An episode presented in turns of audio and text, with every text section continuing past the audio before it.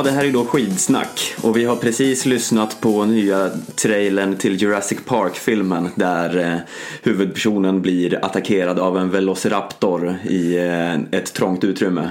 Ja, ihjälbiten i två delar hörs det till och med på slutet där. Ja, eh, jävligt läskigt. Ja, eller om sanningen ska fram så är det ju faktiskt inte Jurassic Park eh, reklamfilmen va? Nej, vi har kommit över eh, ett hemligt eh, band som visar när Manson-familjen attackerade ett av sina offer och en eh, överlevare kom fram till en telefon och så sen bandades massakern. Precis, och det här var precis när en person är till att bli styckmördad helt enkelt. Ja. Eh, jävligt ovanlig inledning på ett avsnitt av skidsnack. Ja, det får man säga. Det är ju då fortfarande en podd om längdskidåkning och ja. Eh, skidskytte det här. Ja, nu har vi snöat in på, på dinosauriemassakrer eller, eller styckmord. Ja. Eh, ska vi lyssna Det skulle på... kunna också vara när jag förlorar en eh, TP-kväll hemma. Ja, jo, absolut. Väldigt likt. Ja. Det, det kommer tillbaka eh, starka minnen här. lite, lite ensam. Men ska vi, ska vi höra det igen med lite mer kontext kanske? Ja, men det gör vi. Helt jävligt. Nej. Nej. Seriöst? Ja. Hæ? 18 måneder? Ja. Nej! Nej, nej, nej! Vad ska hända? Jag fick 18 måneder.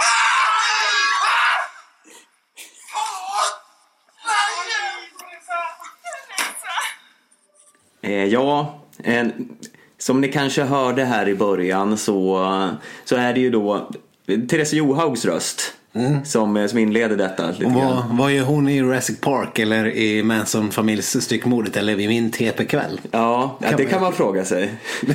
jag, vet inte, jag vet inte vilket av de här scenarierna som skulle vara minst troligt att hon skulle vara med mm. Min TP-kväll känns ändå ja. ganska avlägset. Men alla de här scenarierna känns ju i alla fall troligare än verkligheten. Ja, precis. Lite grann. Om vi ska ta det här helt liksom, nyktert från början mm. så är ju det här en inspelning från dokumentären om eh, Johaugs eh, dopingskandal situation. Ja, Johauggate helt enkelt. Precis, vi ska bara säga att ni lyssnar på skitsnack. Eh, det här är Stenqvist och Sköld som ja, ja, hej, hej. är tillbaks för femte gången den här fjärde säsongen. Ja, vi, vi går lite rätt in i, i vi, hetluften. Vi hamnade rakt in i ämnet. Vi, vi, precis som många av er har ju, så kanske vi har den här dokumentären, Johag-dokumentären färskt på minnet. Så man ville bara rakt dyka in i den någonstans. Mm. Eh, man kan ju säga lite så här att allt eh, annat i den här dokumenter, do, dokumentären. Mm. Det är liksom, eh, jag glömde bort allt direkt efter det här eh, extremt sjuka avgrundsvrålet från ja. Johaugs familj. Ja. Ja, ja, men verkligen. Om man, ska, om man ska börja sätta det i ännu mer kontext så hade ju, om det var TV2 eller någon norsk tv-kanal, fått följa med Johaug under den här tiden, eh, månaden innan domen och, och överklagandet där från eh, FIS och, och, hela den biten. Och sen har de följt med henne på träningsläger och när hon var ner till Pyeongchang för att tjäna på OS-spåren. Och sen, sen följde de hela vägen tills det här slutgiltiga beslutet från idrottens skiljedomstol, KAS, skulle komma. Och och de här dokumentärfilmerna har ju lyckats, eh, borde lyckats samla på sig massor med bra material och, eh, eh, och så. Men det verkar de inte riktigt ha gjort. De, eh, de har den här scenen med familjen när hon är på träningsläger i Val eller vad det nu var. Ja. Någonstans. Hon eh, får beskedet berättat för sig. Sen gråter hon och vill till mamma och pappa. Mm. Springer ut och då kommer det här filmiska avgrundsvrålet som ja. vi, vi, har suttit här nu en timme innan eh, poddinspelning eh, och eh, funderat. Alltså finns det en, en situation i livet när man eh, skriker så här? det, är helt, det, är helt, det är helt galet. Ja. Om det är hennes brorsa eller om det är hennes farsa eller någon annan tränare eller något. Men jag tänker att det, de kanske har tjuvklippt in någon sån helm scream. Ja. som, som är så här känt. Ja, det låter ju som Wilhelm Scream lite grann. Wilhelm Scream, så precis. Ja. Will, ja. Vi, vi kanske ska ta och lyssna på, på Johaug dokumentärskriket jämte tätt följt av ett sånt helm scream. Wilhelm Scream. Eh, Så kan ni göra en egen bedömning. Eh, Lyssna här.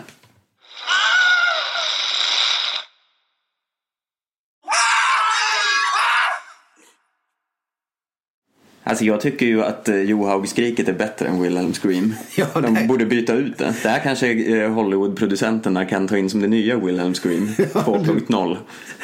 Ja, om de inte är rädda att det ska upplevas att skådespelarna överspelar. Trots att de blir slitna i stycken av krokodiler eller vad det nu kan tänkas vara som gör att man, man eh, ja.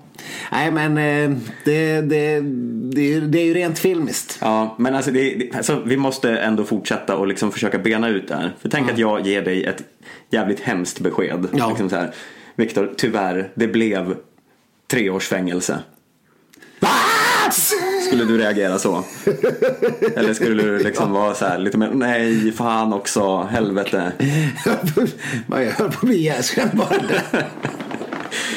jo, men liksom, det, det finns ju väldigt få situationer i livet man... man Ja, men liksom, alltså, första gången när när jag hörde det här och lade märke till det då, då tänkte jag att det låter som en man som har blivit liksom fått reda på, ja men typ att hela hans familj och eh, hans fru och hans barn har blivit lemlästade. Nej, fast inte att han får veta det. Det är ju att, han, att de Ah, blir han ser lemlästade det. i detta Ja, nu. att han ser det. Ja. Ja, precis. Nej, inte att han ser det heller. Det är att han blir det. Ja. Ja. Det, alltså, det krävs ju att någon typ, i princip river ut ens tarmar för att man ska skrika sådär tror jag. ja. Jag har aldrig skrikit sådär i mitt liv. Nej, alltså man har ju skrikit när det har varit liksom upplopp eller, eller målchanser eh, eller något sånt, liknande. Det är de enda, de enda gångerna ens primal skrik egentligen kommer, Ja, kommer till livet på något vis. Ja, annars, annars, annars skriker man ju inte så. nej. Och, men inte ens när det är Skulle det vara liksom i Sverige i VM-final i valfri sport eller, eller jävla sprintupplopp i OS-stafetten. Så skulle man ju skrika så. Eller om, eh, jag menar. Nej, det blir ju en annan form av tonläge i skriket. Ja. Det där är ju ett massakerskrik. Ja men verkligen, ja precis. Och att du precis har sett, eh, sett din dotter skjutas och sen, eh, ja, och då skriker du sådär. Samtidigt som någon sätter någon form av kniv i dig. Ja. Du, du tror inte att man kan få en sån reaktion av att se någon, en, Jo, fast då är det, jag tror ändå att det låter lite annorlunda. Ja, kanske. Ja, det här kanske är en jätteosmaklig diskussion nu, jag vet inte. Men, Eller kan ungefär om man tänker att man slår i eh, knät i bordskanten jättehårt. Ja, det är ju i närheten, men det är ju ändå lite mer samlat. Ja, inte knät, kanske mer stortån eller en sån där mellantå som man slår in i en vasskant. Ja, men det är inte så långt. Alltså det är ju mer ett liksom kort. Men då är de Aj! Ja. Inte att det pågår i fem sekunder. Nej. nej, inte så. Nej. Ja, nej, nej, det blir ju lite raljerande det här förstås också. Ja. Men om vi ska, ska vi försöka göra lite allvar av det här. Tror vi att de har fejkat det här i dokumentären? Ja, nej, det vill man ju ändå inte tro. Men eh, man får väl ändå säga att det här var dokumentärfilmernas... Eh, det här var ju deras eh, USP i, dokumentären. Det var det de hade. De hade ju... eh, alltså det är det de hade att kunna sälja den här dokumentären med. För att, eh, vilket är ganska obegripligt för att de har följt med Norris mest eh, uppskattade idrottare i hennes mest turbulenta period. När hon fortfarande är på toppen av sin karriär. Men dokumentären är ju en stor gäspning. Den är 43 minuter av eh, typ ingenting. Sen kommer de här skriken och fyller upp tomrummen. Ja, men den är ju gjord enbart för att eh, eh, lyfta varumärket Johaug lite. Ja. Och få tillbaka en positiv bild av henne, för det är ju en, det är en snyftare det här. Ja, men den är så dålig bara. De, de har inte, det, det finns ingen dramaturgi. De bygger inte upp inför det här beskedet på något ordentligt sätt. Eh, och det är, sen har de pliktskyldigt klippt in Björgen och Petter Northug som de har fått prata med lite grann. Och, och sen diverse tränare och advokater. Men och, och, och Björgen säger att Åh, det här är- det måste vara det jobbigaste som någonsin eh, någon har kunnat upplevt i, i hela sitt liv. Typ. Och Petter säger att ja, ingen trodde att det skulle bli så här. Ja, men de, de har inte liksom byggt upp till. De, de måste ha hafsat ihop det här. Jag, jag blev så besviken över att det inte var någon... Men det här är ju inte Nerv. den första dokumentären. Det gjordes ju en halvvägs in i härvan. Som Ja. också sändes som var ungefär lika. Bara att eh, det inte, den slutgiltiga domen inte hade kommit. Så jag ser inte riktigt utvecklingen här. Förutom Nej. skriket då.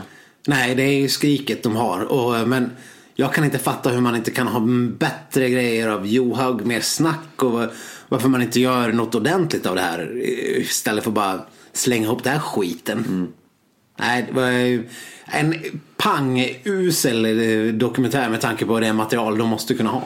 Ja, verkligen. Ehm, Och, och jag vet inte om hon har fått lov att, om det är så att hon har, för att de skulle få vara med henne, krävt att eh, få godkänna varenda filmruta. Så kan det ju mycket väl vara. Då har ju de försatt sig i den, då har de ju gett upp sin konstnärliga frihet lite grann bara för att få de här smaskiga sekunderna. Eh, Men om ni inte har sett det så måste ni ju se skriksekvensen för det är väldigt så här. eh, de- är ju i något mm, stort hus ute i ödemarken. Det ser väldigt The Shining ut med de zoomar ut från huset och så kommer det här massakervrålet. Ehm, Och ja, Ja, nej, det, det, det tar jag ändå med mig från den. ja, jo, nej, men det, det är alltid något. Men eh, i övrigt eh, var det ändå något av en besvikelse, det får man väl ändå säga. Ja, ett äpple. Ett, absolut. Men om vi ska fortsätta prata lite om tv-helgen. Så eh, vill man ju inte gärna missa eh, en spännande debut. Ja, minst sagt. Och då talar vi inte om eh, skidspåren. Nej, eh, utan i buren så att säga. Ja. Tågkupén. Ja, var han i dressinen eller i första klass? Jag Ja, ihåg. nej, det, det vet jag faktiskt inte. Det, så långt sträcker sig inte mitt minne tyvärr. Nej, eh, minnet är ju kort. Men Johan Olsson debuterade ju alltså i På spåret. Det gjorde han och det får man väl ändå säga att han gjorde det med den äran. Ja, men det tycker jag ändå. Jag vet att du var ju lite orolig innan. Ja. Du, du hade vissa tveksamheter kring hans eh, kapacitet. Kapacitet, man kan ju aldrig ha tveksamheter inför Johan Olssons kapacitet. Man vet ju att den finns där. Men hur kommer utfallet väl att bli? Det kan ju bli ett platt fall, en besvikelse. eh, Eller helt enkelt att han ställer in på grund av luftrörsproblem. Lu- Luftrörsproblem är ju inte riktigt eh, Man kan inte skylla på det på samma sätt i På spåret. Nej, nej det är möjligt att det inte riktigt är att eh, Christian och Fredrik eh, får ta in, ta in någon annan bara helt plötsligt för att Johan Olsson är lite småförkyld. Hängt med barnen för mycket. nej, det hade ju varit lite segt. Men nej, här eh, så var jag väl mer orolig för att man, man vet ju inte riktigt. Jag har ju hört hans, eller ja, ja men, men efter att bedöma av hans eh, sommarprat som var för något år sedan. Så hade man ju ändå tänkt att han har i alla fall någonting innanför skallbenet. Det här är ju ingen Kalle Halvarsson vi pratar om. Eh, nej, men han har ju en eh, hyfsat intelligent aura. Ja. Så eh, därav kändes det ju ganska eh, troligt att han skulle vara rätt eh, vass. ändå. Men så tänkte man ju nu när han också parades ihop med eh, Denise Rudberg, författaren.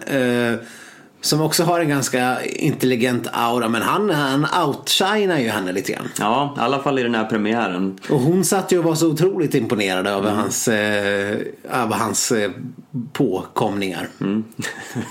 Påkomningar. Det var inte riktigt ett rätt ord i det här sammanhanget kanske, möjligtvis. Men eh, det här är ju inte intellektualitetets högborg direkt. Nej, nej, verkligen inte. det ska- det ska vi väl ändå ha klart och tydligt för. Det har nog ni också. Men eh, han var ju väldigt vass på musikfrågor. Ja, jag blev... Det hade jag inte trott. Nej, jag blev väldigt imponerad att han tog så här, Nelly Furtado. Ja, ja men det, såg man inte Johan Olsson ta. Tog du den? Eh, ja, det gjorde jag. Ja, det gjorde faktiskt jag med. Eh, men Om vi ska sitta och ändå berömma någon annan kan man väl lika gärna få klappa sig själv lite på axeln. däremot eh, är jag lite besviken för jag, jag har läst i någon form av intervju för ganska länge sedan att eh, Johan Olsson är en vinfantast. Ja. Eh, Så jag tycker att han borde ha tagit eh, det här svaga portugisiska vinet. Det här bub- bubblet. Ja, det är lite svagt eh, bubblande. Eh, Vinho Verde. Just det. Mm, det kunde han inte, det tycker jag var dåligt. Nej, det, är det någon sån här skidlegendars grej att vara, vara bra på vin? Det verkar ju vara Thomas Alsgaards, eh, att döma av hans Instagramflöde, hans absolut största intresse förutom att leda någon form av långloppslag. Om han nu håller på med det fortfarande vet jag inte men Ja, men det han väl- dricker mycket vin. Ja, men det, det känns som en sån här grej. Ja, men nu eh, ska jag avsluta min karriär. Vad ska jag satsa på då? Ja, men då kan jag nörda in mig rejält på något så då blir jag sommelier. Ja. Jag, jag tror att säkert eh, 25% av alla skidåkare har planer på att bli sommelier. Ja, alla utom Gunde kanske. Mm. Han, har, han har väl fortfarande inte rört ett droppe vin. Nej, men sen vill man ju kanske också väga upp sin väldigt hurtiga aura med något som är lite mer dekadent. Ja. Men ändå inte så farligt. Nej. Så vin är ju liksom den perfekta Precis. eh, landningsplatsen. Man kan, ju vara, man kan ju vara sommelier utan ens dricka vin. Ja. Man kan ju bara spotta ut. Mm. Ja, men eh, hur som helst eh, i övrigt tyckte jag att Johan Olsson eh, var stabil och gav ändå ett, eh, ett, eh, ja, men, eh, ett självsäkert intryck. Men han var inte, man hade, man hade ju kunnat tänka sig att han skulle vara lite nervös när han sitter där och ska helt plötsligt tävla i något som absolut inte är hans hemmaplan. Liksom. Ja, nej, alltså det finns få saker i livet jag skulle vara lika nervös inför som att vara med På spåret. Det måste vara det absolut värsta man kan utsätta sig för. Ja, men det är lätt att sitta hemma och liksom så här, låtsas dra på någonstans. Ah, jag, hade det, jag var inne på det på tian men jag drog på åttan. Ja, men det, det kan man ju säga. Sen när man sitter där i buren och ska Där blottar man ju verkligen sin, eh, sin nivå, Ja. om man säger så. Eh, Så att eh, jag är mycket imponerad av Johan Olsson. Jag skulle vilja ge hans första avsnitt fyra äpplen. Ja, de hade ju hårt motstånd av fjolårstvåorna så man, man får ändå ge dem all cred även om de inte vann. Ja. Eh, spoiler alert kanske vi skulle ha sagt här, Ja. det är för sent. Ja, men har ni inte sett det nu så får ni skylla er själva. Ni borde ha förstått att det skulle tas upp i skitsnacken då. Ja, men eh, så här då. Om vi eh, ponerar att eh, en annan skidåkare än Johan Olsson skulle kasta sig in i På spåret. Ja. Vem, vem skulle du vilja se där då? Finns det någon kandidat? Det finns ju jättemånga man skulle vilja se. Jag skulle vilja se men någon som skulle kunna ha någon eh, chans. Någon chans? Ja, det kanske är lite svårare. Eh, en som är lite så här, eh, mm, lite så här på pickalurven eh, om eh, det skulle vara en succé eller ett totalt fiasko. Men Lars Nelson, vad tror du om honom? Mm, jag tänkte faktiskt också den tanken.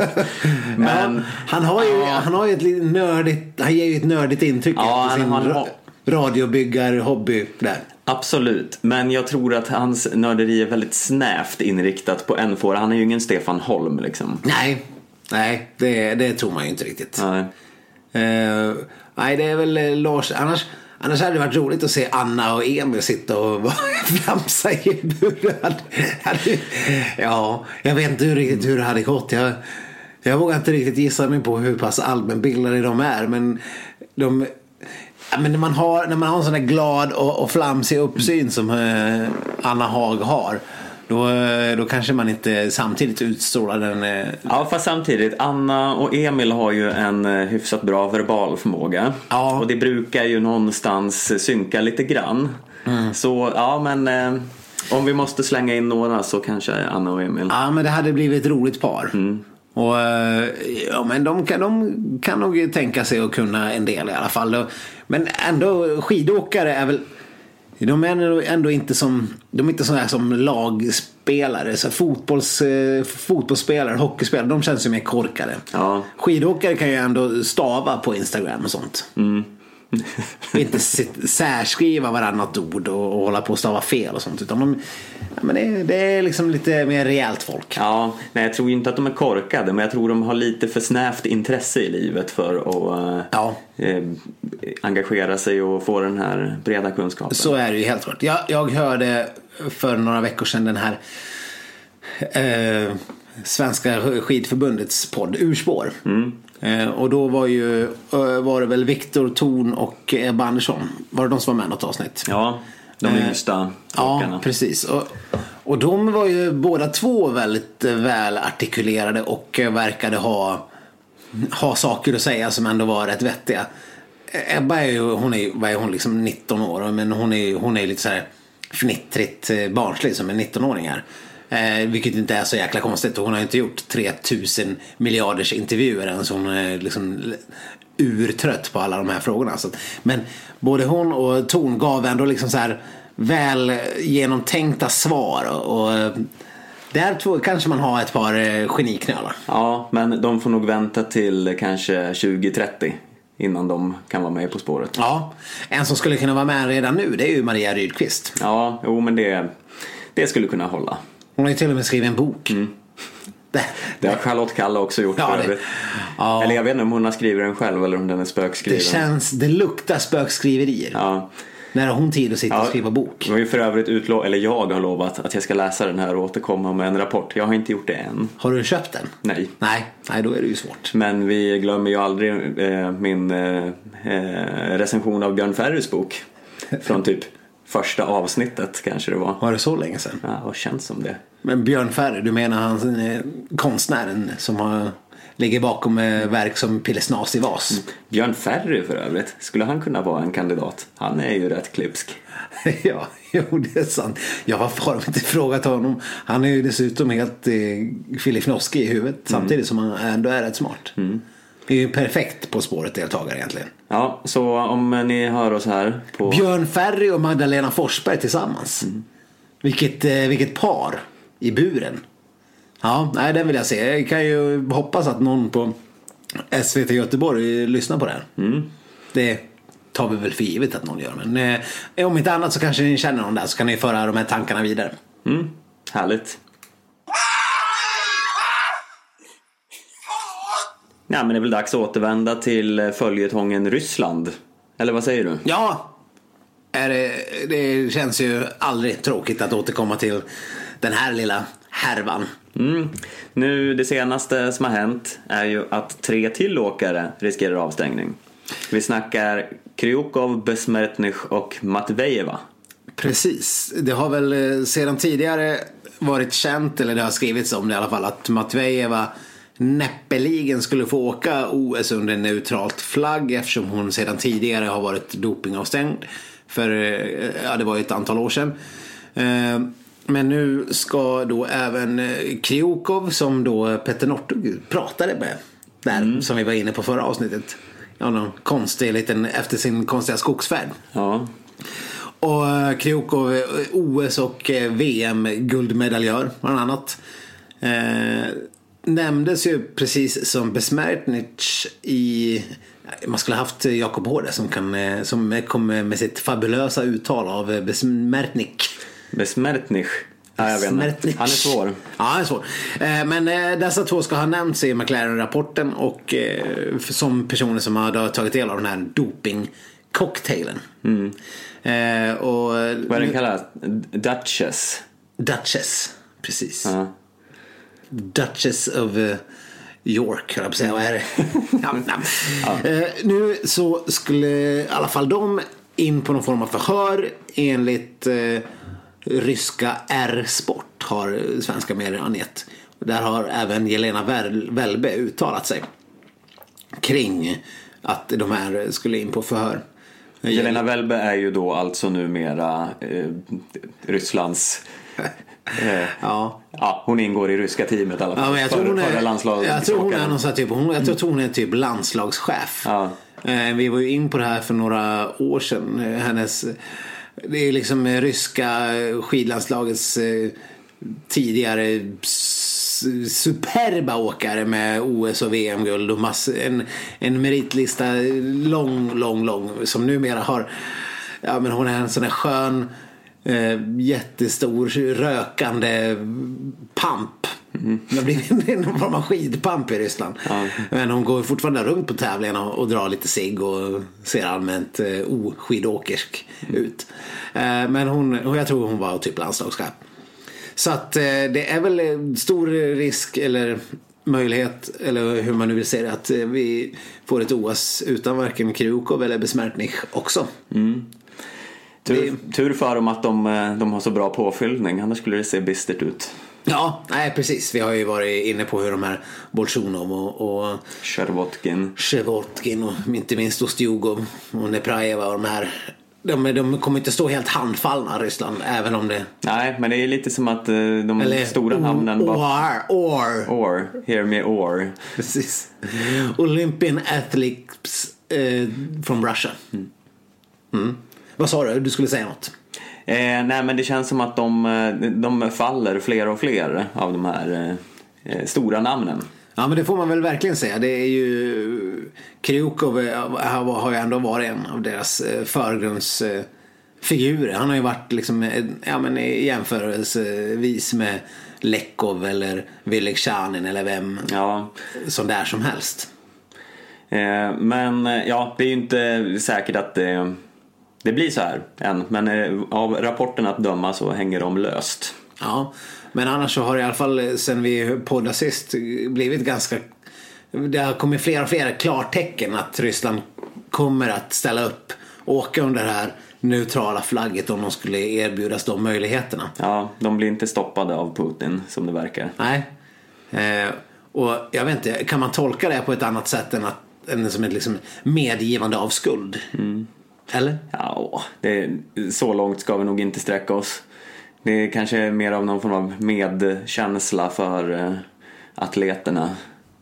Ja, fast om, om du hade varit ledare för ett land och du liksom vet att det här är bara, det här är bara jävla hittepå. Hade inte du bara blivit sur och bara nej, nu skiter vi i det här. Nu lägger vi ner OS. För nu kommer inte vi åka till OS någonsin igen. I och för sig, om eh, svenska skidförbundet hade fått samma ja. situation de bara, nej ni får åka under eh, OAS, Olympic Athletes from Sweden.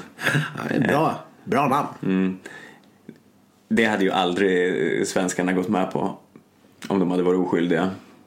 Nej, eller vadå? Tror du, tror du att eh, svenska åkare hade förbjudits att delta? Nej, inte förbjudits, men det hade väl varit någon form av eh, gemensam konsensus i det, tror jag.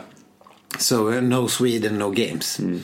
Och det hade liksom löpt linan ut. Ja, Inte den här ryska halvmesyren som det... det tror jag. Eh, Men apropå det här samtalet så jag har ju Jag läste ju den här artikeln om att eh, norska damerna är tveksamma till om det kommer bli något OS. Att de kommer åka dit för de är så oroliga för Kim Jong-Un. Just det. Ja. Det här kände jag var liksom i stunden då en väldigt dålig undanflykt för att de inte vågar möta Charlotte Kalla Ja. en, eh, på ett upplopp. ja, det kan man ju känna lite grann. Jag vet inte riktigt vad... Vad skulle Kim Jong-Un göra i Pyeongchang? Ja, och ja, alltså Alltså, inte personligen. Vad, vad skulle han göra mot OS? Ja, alltså jag vet inte. Det, och jag tror, jag tror verkligen inte att Björgen är orolig för sin säkerhet i Pyeongchang heller. Nej, nej, det känns lite osannolikt. Ja. Det är inte som att han kommer släppa ett kärnvapen där i, i norra Sydkorea. Ja.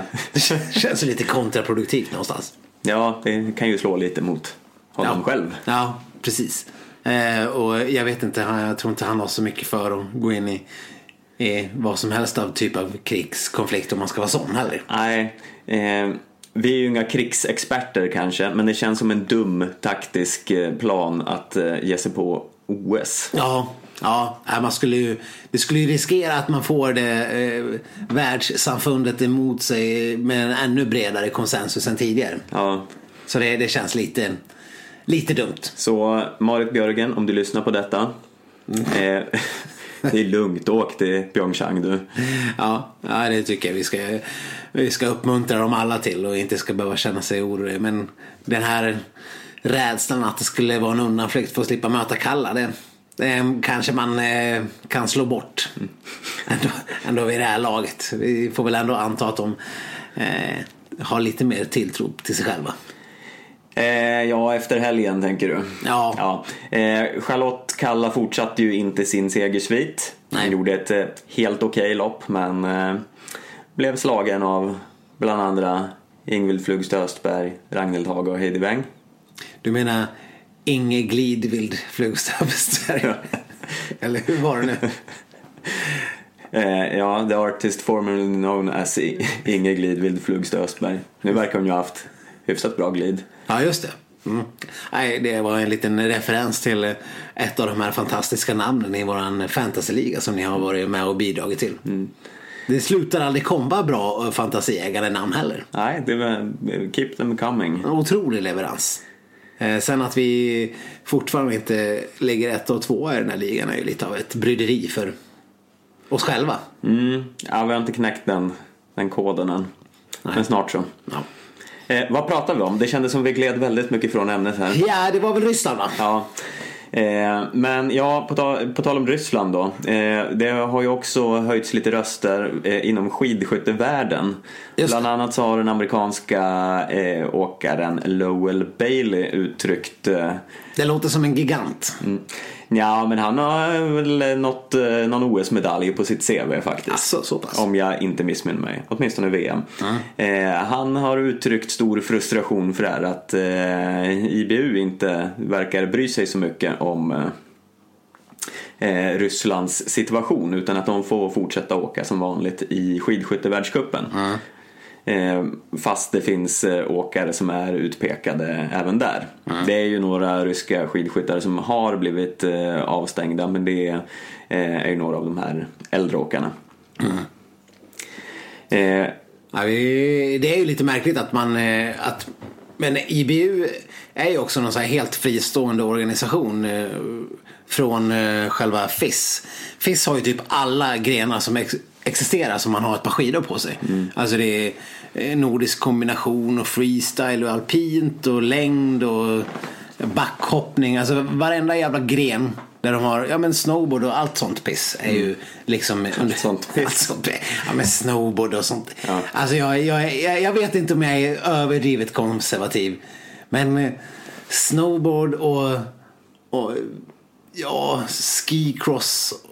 Ja, jag vet inte, jag har lite svårt att känna att det är riktiga sporter ändå. Ja. ja, du låter ju som en gammal farbror som inte accepterar nymodigheter. Kommer du ihåg- Det här internet, vad är det för något? Kommer du ihåg när vi hade den här killen som var så här bra i slalom eh, snowboardåkning? Där man, han, ja men du vet när det är Mm. Ja, ja, som var med i Mästarnas Mästare. Ja, men när de ja precis. När de har snowboardåkare som har typ så här vinddräkter på Rickard, sig. Rick, Rickard Rickardsson. Var det så han hette? Tror det. Ja, men tog inte han till och med något, brons eller silver i något OS? Och, Jo, jo. och, och var liksom så här stor hjälte. Men, Heter han Rickard Rickardsson? Han heter i alla fall samma i för och efternamn. ja, ja, Rickard Rickardsson eller Sten Stensson eller eh, Viktor Viktorsson. Något sånt då.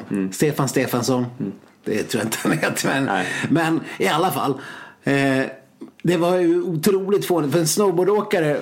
Man kan ju ha lite mer respekt för dem när de kör någon sån här halfpipe och åker i sina, sina snowboardkläder och ser allmänt icke ut som icke tävlingsmän. Då, de ser ju verkligen ut som en, en som sätter sig och rycker ur en joppe efter, efter loppet liksom. Eller loppet, racet, vad säger man? inte. åket. Ja. Efter åket. Eh, tar och liksom lite jazztobak och sen laddar inför andra. Mm. Medan Rickard Rickardsson, eh, om han nu heter så, i den här kroppsstrumpan och, och långa brädan. Ja men ser ut som någon form av blandning mellan en, ja jag vet inte, det ser bara asfånigt ut. Finns den sporten kvar längre? Jag tror det. Eller Ska inte försvann? svära på det. För sådana där har ju en förmåga att komma in och ut lite grann. Nej jag vet, nej, Ja, jag, nej, jag, ja. jag är ju med dig i sak. Det är ju liksom inte riktigt eh, på riktigt. Nej. Eh, Vad fan, och när kommer bandy in på OS ja, ja, men hallå. Nu, nu ska vi inte prata om sån riktig skitsport här. Aj, aj, aj, aj, ja, nej, men eh, eh, vad, vad var det vi pratade om ens? Kärlkocky? Nej. vi pratar om skidskyttet som är en helt eh, egen liten eh, organisation. ja, men precis. De är, de är ju utom FIS. Jag vet inte varför det är så. Det kanske bara är liksom så här, traditionens makt är stark på något vis. Ja, Men de har ju sin egen lilla organisation. Eh, man tycker ju att den borde fungera på ett likartat sätt åtminstone. Ja. Eftersom skidskyttet och längdskidorna följer varandra väldigt eh, tätt. Ja, det är ju- det är ju mer, alltså det är ganska ofta som det faktiskt är skidskyttar som, som är med och åker längdtävlingar. Som det var ett gäng fransyskor eh, här i den här Davos-helgen till exempel. Som tidigare hade tagit steget från eh, längdskidåkning till skidskyttet och nu var med och gjorde någon tävling och sådär. Och sen har vi ju Björndalen som eh, i grunden i grunden, vad vet jag. Han var väl kanske längdskidåkaren i sin ungdom, det vet jag inte. Men han är i alla fall känd och som eh, tidens mest framgångsrika skidskytt. Men eh, Som också har vunnit världscuptävlingar i längdskidåkning. Eller en världscuptävling i alla fall. Eh, Och det finns ju flera som har dubblerat. Så. Och många, såklart väldigt vanligt att det kommer längdskidåkare som eh, går över till skidskytte. Eh, Hinken och sånt. Ja, Men eh, att de där organisationerna är helt frånskilda blir ju, är ju lite svårbegripligt. Ja, eh, så det återstår ju att se om det kommer några skärpta krav på ryska skidskyttar också. Och jag menar, det händer ju nytt i den här cirkusen varje vecka så Ja. vad vet jag, det kanske kommer. Det var ju också för ett par veckor sedan eh, skriveri om att eh, Pitchler skulle riskera att missa eh, OS. Han som eh, har varit eh, förbundskapten för Tyskland och, och sen Sverige och sen eh, körde efter Sverige så var han över till Ryssland och var förbundskapten För ryska damerna eller tränare för, ja, men, tränare för damerna. under Sochi-OS. Precis, och nu är han tillbaks för de svenska damerna. Är det väl. Han har väl inte herrarna eh, i Sverige. Jag vet inte, han, vill, han fick ju inte ha det när det var Ferry och grabbarna. För de gillar ju inte honom helt enkelt. Eh, och, men då var det ju skrivit att om han, eftersom han hade varit tränare för ryska åkare vid OS i Sochi. Så kommer han vara en av de som aldrig kommer att få ställa upp och vara i ett OS eh, i någon kapacitet. Eller om det var, jag vet inte, kanske var så tränarroller att det var bara de som hade varit med i Sochi att de skulle vara avstängda just i det här OS. Jag vet inte om det var för all framtid. Nej, men hans medverkan är hotad då i alla fall. Det, Han rasade ju mot det här ja. Själv. Och det var ju skräck och panik i svenska eh, laget också. Hur det skulle gå att vara där utan honom. Jag vet inte riktigt. Hans jobb borde ju redan vara gjort innan kan man ju ja, det kan man ju tycka. De kan väl ha någon annan som springer och skriker tider i backen. Ja, precis. Det, det är ändå inte, det är inte en liksom så här stå och falla med uppgift. Nej, Dessutom Nej, det- kan du ju ha någon som pratar svenska då åtminstone om man ändå ska ha någon som skriker tider. Men eh, eh, ja, nej, det skulle ju kunna vara en av konsekvenserna av det här dopingskandalen som skulle ha en direkt inverkan på eh, svenskar. Eh, ja, nej men det, det lär ju vara bråda dagar för den här lilla juryn som ska gå igenom alla eh, ryska åkare och folk som har eh, haft med Ryssland att göra. Och sitta och besluta.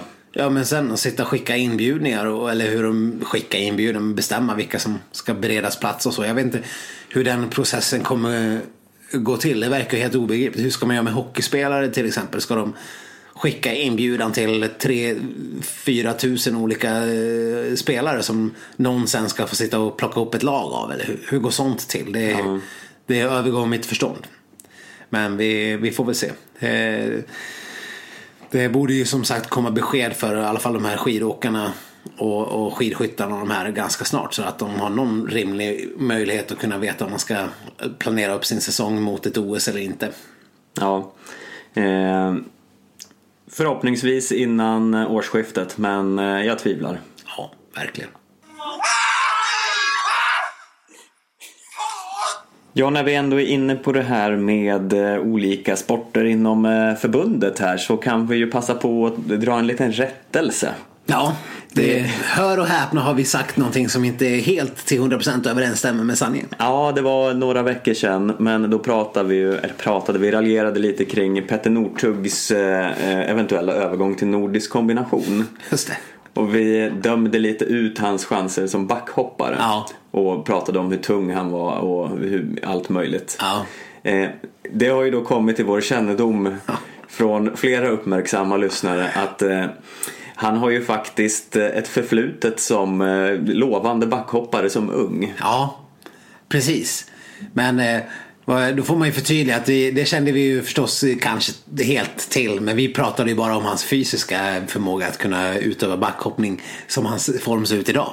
Ja, och det var ju faktiskt eh, kanske, då ska vi säga att det var inte så mycket vårat fel som det norska nordisk kombinationslandslaget som ändå bjöd in honom till en crash course. Precis.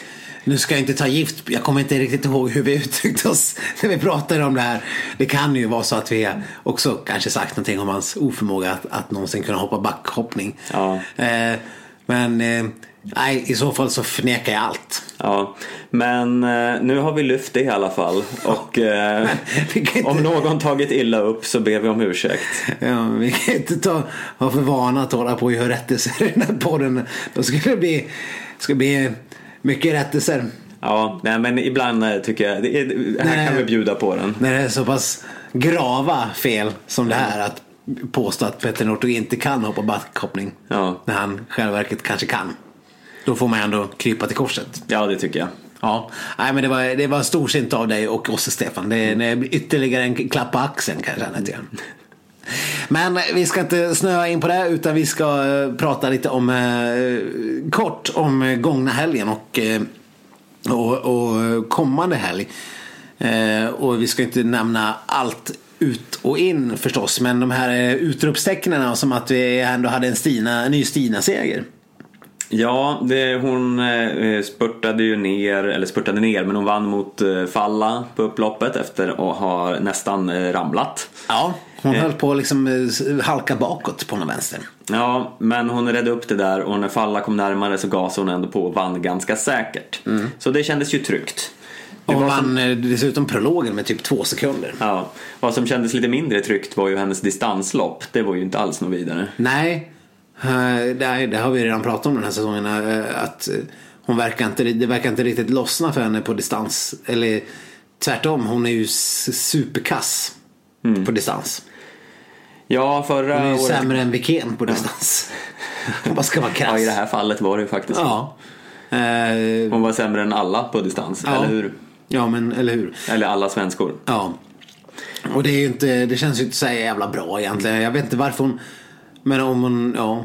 eh, Har hon någon plan på att bli bra på distans kan jag ju förstå varför hon åker. Men annars, vad är det för kul att på- hålla på och åka och sen liksom bli f- 53 eller vad man kan tänka sig att de blir. Ja, vi, vi hoppas att det är en sen formsatsning eh, satsning Ja. som, eh, som stundar. Förra året var hon ju väldigt bra under Tour de Ski. Ja, och nu eh, kommande vecka kommer hon inte ens vara med. Men då är det ju heller inga sprintlopp. Nej. Då är det något så ovanligt som en, eh, någon form av omvänd jaktstart. Där man först kommer köra ett fristilslopp och sen kommer man ha jaktstart i, i klassisk stil. Ja, det är lite udda. Det får man ju verkligen säga. Eh, det är man inte alls eh, van med att se. Men det ska ju bli kul att se. Vi kommer ju ändå ha en Charlotte Kalla som ska kunna vara med och tampas där. Hon, eh, vi var ju snöade in lite grann på det där i förra segmentet om Charlotte Kallas insats. Eh, men jag skulle vilja lite mer noggrant prata om eh, något som Blomqvist var inne och tjatade om hela, hela loppet. Han satt ju och räknade på det där mellantiden. Det var inte som att man orkar göra det själv. På, på den basisen. Men det verkar som att Kalla och även typ alla svenskor och sedermera även svenskarna tappade utför. Mm. Klättrade väldigt bra men tappade utför. Det var väldigt tydligt på Kallas mellantider. Och sen var det ännu mer extremt tydligt tydligen på Marcus Hellners tider. Klättrade jättebra, tappade utför. Klättrade jättebra, tappade utför. Sen på slutet var det så här bisarrt hur bra han klättrade och hur mycket han tappade utför igen. Eh, vilket jag kan inte riktigt förstå. Hur kan det ens vara möjligt? Är det eh, vallamiss? Eller är det något annat som spökar? Ja, Jag fattar inte riktigt. För att om det nu är så att man hade de indikationerna redan på damloppet. Vad, är det, vad är det vallarna gör då i två timmar? När de inte löser det? Det är ju, det är ju, det är ju, det är ju Ja, det är ju faktiskt helt eh, vansinnigt. jag finner inte... Jag blir så upprörd så att jag vet inte ens vad jag ska säga. Jag hann ju åka ner i julruschen och handla julgranskulor och eh, pynt i eh, pausen mellan loppen. Ja, på julruschens vidrigaste plats på jorden. Alltså det själva eh, skärselden vad gäller julklappshandling. Ja, Åhléns Stockholm city. ja nej, eh, akta er för det. Det är ingen, ingen fin upplevelse. Nej, det, då kommer det, det kommer det här dödsskriket att det bara som liksom, kommer låta som en, en, en liten picknick i grönskan. Ja, nej men det är faktiskt i det här scenariot så, ja men då kan det ju faktiskt låta så här. Ja. Eh, men... Var du, Vart så, var vi var, du så någonstans du kände det där när du, när du stod och, och letade efter silvergirlanger fast de hade bara guld och röda girlanger? Ja, men lite så. Eh, fanns, fanns inget annat sätt att uttrycka min ilska, ångest, vrede, uppgivenhet. Ja. Nej, du var kränk, sårad, kränkt och besviken Mm. på samma gång. Ja, Nej, då, då blir det ju lätt att man tar till det där avgrundsvrålet. Det kan man ju förstå någonstans. Men eh, ja, eh, hur som helst. Vi pratade om eh, lite om helgen och framtiden. just Jag, vallningen, vallningshelvetet. Ja, ja, jag tycker vallarna borde ju avgå om det ska vara så här. Det, de har ju så stor del i eventuella framgångar till mästerskapen. Så att då kan det inte se så här dåligt ut för dem bara eh, två månader drygt till OS. nej, och för jag har li- lite svårt att se att det skulle vara något annat. För varför skulle hela svenska laget kollektivt tappa ut för? Nej, precis. Och varför skulle Kalle ha i, i sin favoritdistans plötsligt eh, bli slagen av typ 6-7 löpare när hon har varit helt eh, överjävligt överlägsen på de andra individuella eh, loppen de, bara de två, senaste helgerna. Mm. Och eftersom de gick så starkt upp för så kan det ju inte heller vara den här höghöjdsanpassningen som spökar. Nej, nej verkligen inte. Det, det är tydligt att det inte är det. Och jag, visst, Kalla är ju inte någon sån här virtuos på att åka ut för. Men man har ju, man tycker man, jag, tycker, jag tycker vi har bara sett första loppen att hon har utvecklats där. Och Hellner eh, har väl aldrig haft något problem med utför överhuvudtaget. Nej. Så att... Eh, Nej, det måste vara Valla-teamet som eh, får skippa köttbullarna och ut och fila lite jävla glidvalla istället. Kan man känna lite grann. Ja, det tycker jag. På tal om folk som flunkar ur. Är det över för Björgen och Sundby? ja. Är deras tid förbi? Ja, det, man, kan ju nästan tro det eftersom eh, Sundby tappade minuten på, eh, på vem fan var det? Eh, Mani, Magnifica. Som startade då en minut bakom honom och Magnifica åkte ifatt den här minuten och sen typ 30 sekunder till på 15 kilometers eh, åkning. Vilket känns ju helt världsfrånvänt. Ja, man har ju aldrig sett eh, Sundby så här. Nej, eh, och, och, och Björgen, hon, jag vet inte vad hon blev men hon var ju inte heller särskilt bra. Hon, hon, var, hon såg trött och sliten ut. Och då tänkte man, eh, ja vi, vi satt där och mässade till varandra. Är, är det slut nu? Har de, eh, är deras karriär godnatt? Jag vill då minnas att jag har redan sagt det här en gång förra säsongen och det fick jag ju lite äta upp. Ja. Efter att de kanske hade blivit så här trea, fyra Ja. i något lopp. Ja. Nu är det ju ändå lite värre.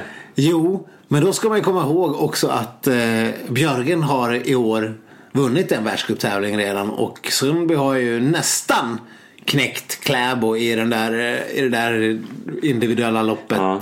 Men jag, jag tror att Sundby har eh, gått in i, alltså han har fått en sån, eh, det har satt sig på hans psyke att eh, Kläbo är omöjlig. Ja. Så att nu kommer det bara, han kommer inte kunna prestera för han vet att det är kört. Ja. Det här är min högst hobbymässiga psykologiska analys. ja. Eh, jag tycker vi ska ta hobbymässig med stort H där hemma. men men jag, tror, jag tror inte att de är slut. Eh, Marit Björgen skulle jag ju ändå fortfarande typ hålla som favorit i, i samtliga individuella distanser till OS. Inte i sprint kanske. Nej. Nej, fast å andra sidan, vem fan vet? Mm, nej. Nej, det är sant. Men det är bra att vi har lite olika eh, ingångar för en gångs skull. Jag Ja. säger slut, du säger inte slut. Om vi ska hårdra det. Som sagt, båda har både vunnit och varit på pallen här i år. Så det, det, man kan ju inte ens säga att de är slut utan att låta som ett, eh, ett okunnigt mähä. Attacken i poddstudion. Ja, men må- måste vara lite högt i taket. Vi kan inte bara sitta och myspysa och se genom en hel podd. Som vi brukar göra. Men till eh, något roligt då. Vi fick ju äntligen se Ebba Andersson i världscupen. Ja, för typ första gången. Eller om det var, hon hade varit med i någon lopp i Sverige någon gång. Ja. eh, Förra året. Och då var det 15 och nu var hon väl något liknande. Ja, jag minns inte placeringen exakt men hon var ju ungefär som de andra svenskorna. Ida Ingmarsdotter, eh, Wikén och ja, Anna Haag var lite Anna efter. Haag var lite efter också. Eh, men, eh, ja, men det var väl en okej debut ändå. Ja, med tanke på att hon har haft en liten halvknack i, i inledningen på säsongen med, med skador och, och liknande så eh, får man väl ändå säga att eh, det var kul att se att hon var tillbaks. Ja, och i helt klart konkurrenskraftigt slag. Ja, verkligen. Alltså hon började ju också väldigt starkt. Hon var ju väl med i början. Eh, sen orkar hon väl inte hela vägen riktigt. Eh, det är väl inte så jävla konstigt när man kommer tillbaks från skada och träning och sånt och inte har tempot i kroppen riktigt. Så att, eh, nej, det kan nog bli riktigt intressant. Eh, och jag skulle inte vara särskilt förvånad om hon kommer stå på startlinjen när det väl är fyra svenskor som ska åka 10 kilometer i OS. Det är väl högst troligt faktiskt. Ja, men eller hur? För Ida, Ida hade ju någon, någon så här guldlopp. Eller guldlopp, men riktigt fina så här lopp individuellt i 10 kilometer. Som är väl ändå den distansen hon har kunnat tänka sig att satsa på. Men eh, det, nu har hon ju inte riktigt den kapaciteten längre. Och nå, förutom Kalla och Stina om hon vill och har någon form av form så finns det inte så många som vill, kan kännas aktuella för att åka 10 kilometer. Som är någonting att ha Nej. i Eh. konkurrenskraft. Nej. Så att det, är, det, är, det är ju mycket, det är förmodligen tuffare att ta ett skiathlonplats där kanske Anna Haag och, och, och sådana där personer ändå kanske har en given plats oavsett halvdassig form. Så att, eh, ja, nej, det är nog det Ebba får satsa på. Sen eh, återupprepa stafettsuccén från i fjol. Ja, jag tycker att nu vet vi inte hur upplägget eh, ser ut och det är förmodligen kanske inte något som kommer hända men det vore oerhört intressant att se Ebba i Tour de Ski. Ja, verkligen. Eh, sen, ja, hur hon är som sprinter känns ju lite eh, svårt att säga. Man har väl aldrig sett henne kampas mot världseliten i en sprint. Nej. Och hon har inte riktigt den här sprintkroppen direkt. Hon är ju extremt tanig. Ja, men eh, det, det känns som det här att se henne flera dagar på rad i någon form av Tour-sammanhang vore i alla fall intressant. Men tänk att se henne upp för en backe. Hon har ju, det känns som att hon är en Johaug snarare än en Björgen. Verkligen. Hon kanske bara liksom flyger upp för det jävla berget. Marcus Hellner har ju flaggat för att han ska åka Tour de Ski men annars har det varit lite tyst. Kalla har sagt tidigare att hon inte ska göra det men inte varit säker. Eh, så de beskeden borde väl börja droppa in eftersom det är ganska snart är dags. Ja, eh, det blir intressant. Vi kommer nästa helg också få se Kalvarsson. Äh, Kalvarsson. Kalvar, bra namn. Kalvarsson. Ja, det är en bra förkortning man bör, om man inte vill säga allt. Mm. Kalvarsson kommer åka den här märkliga, märkliga upplägget i Toblach så det blir spännande. Kommer vi ha någonting att prata om nästa vecka. Mm. Eh, Om det är fisk eller fågel. Ja, men nästa vecka är det ju faktiskt en ännu större Ja. händelse som sker. Det är ju dags för Skidsnacks årliga rimstuga. Verkligen. Det är, jag, jag, har, jag har inte ens vågat tänka på alla, alla rim och klappar jag ska dela ut. Succén från de senaste åren är tillbaka. Ja, nej, det kommer bli fantastiskt. Det, det, det är ju lite av en säsongens höjdpunkt. Ja. För oss i alla fall, kanske inte riktigt för lyssnarna som får lyssna på det här eh, dravlet. Men eh, nej, det är sånt man får stå ut med när man lyssnar på Sveriges mest engagerande skidpodd. Ja, eh, och därmed så tackar vi för oss för den här veckan. Ja, det gör vi verkligen. Ni får ha det så bra där ute i snön och kylan som nu verkligen verkar ha börjat breda ut sig över landet till allas glädje. Ja. Eh, ni hittar oss på Facebook, Instagram, Twitter, skidsnack.gmail.com. Vi hörs nästa vecka. Hej då!